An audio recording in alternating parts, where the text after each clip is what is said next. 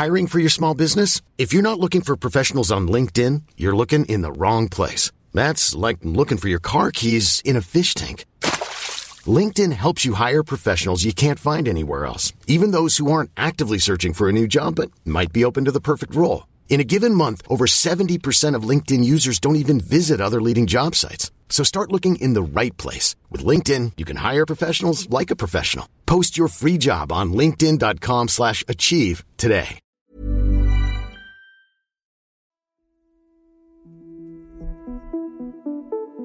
Vilka händelser anser vi människor vara en del av vår historia?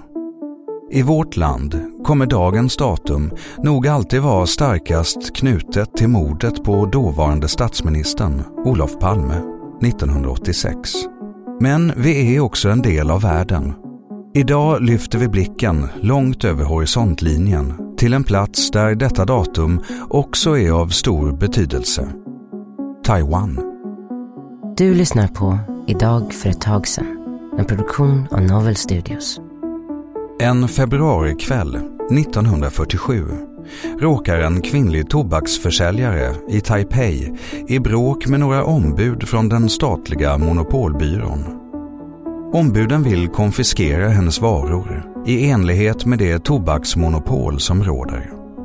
Hon vägrar. I tumultet slår en av de statliga tjänstemännen till henne i huvudet med kolven på sin pistol.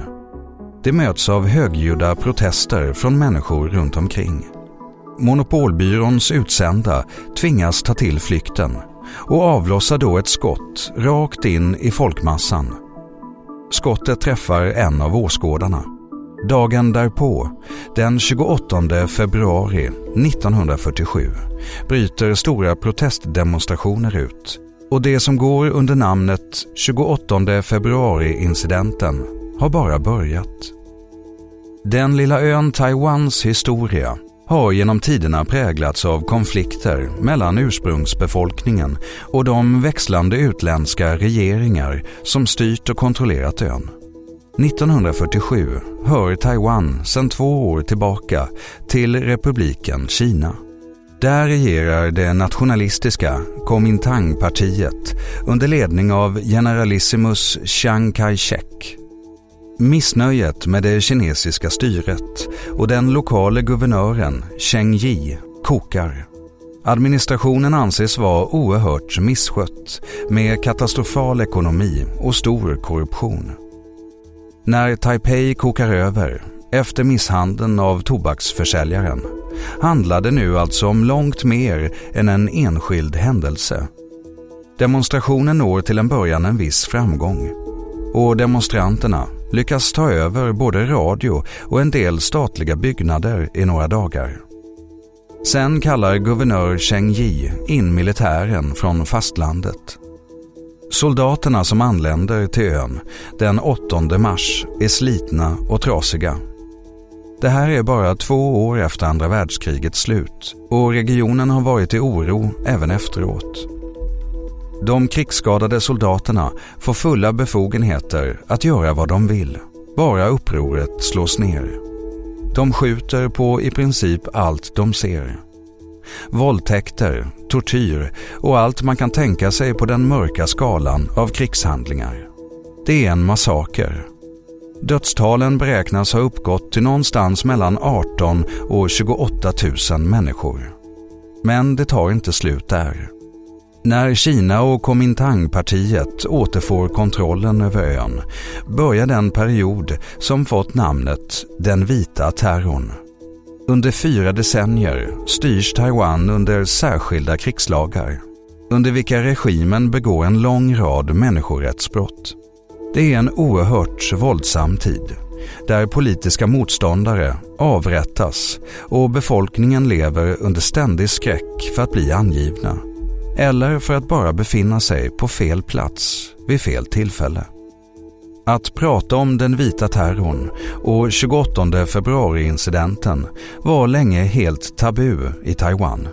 Det dröjde ända fram till 1995 innan en taiwanesisk ledare berörde de här händelserna offentligt.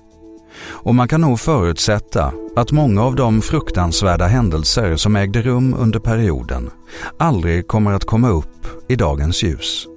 Såren är alltså långt ifrån läkta, även om den 28 februari idag firas som en sorts fredens minnesdag i Taiwan. Ön fortsätter dessutom att vara i centrum för en komplicerad konflikt med internationella diplomatiska förvecklingar.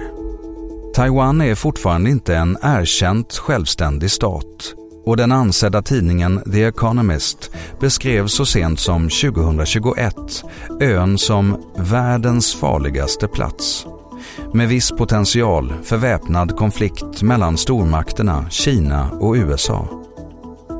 Den lyssnare som är intresserad av världspolitik rekommenderas att läsa in sig på området. För ju mer vi vet om både vår egen historia och omvärldens, ju bättre kan vi navigera i det som kommer vara idag om ett tag.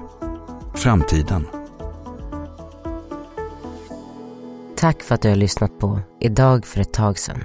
Följ gärna programmet i den app där du lyssnar. Vi hörs imorgon. Even when we're on a budget we still deserve nice things. Quince is a place to scoop up stunning high-end goods for 50 to 80% less than similar brands. They have buttery soft cashmere sweaters starting at $50, luxurious Italian leather bags, and so much more. Plus, Quince only works with factories that use safe, ethical, and responsible manufacturing. Get the high-end goods you'll love without the high price tag with Quince. Go to quince.com/style for free shipping and 365-day returns.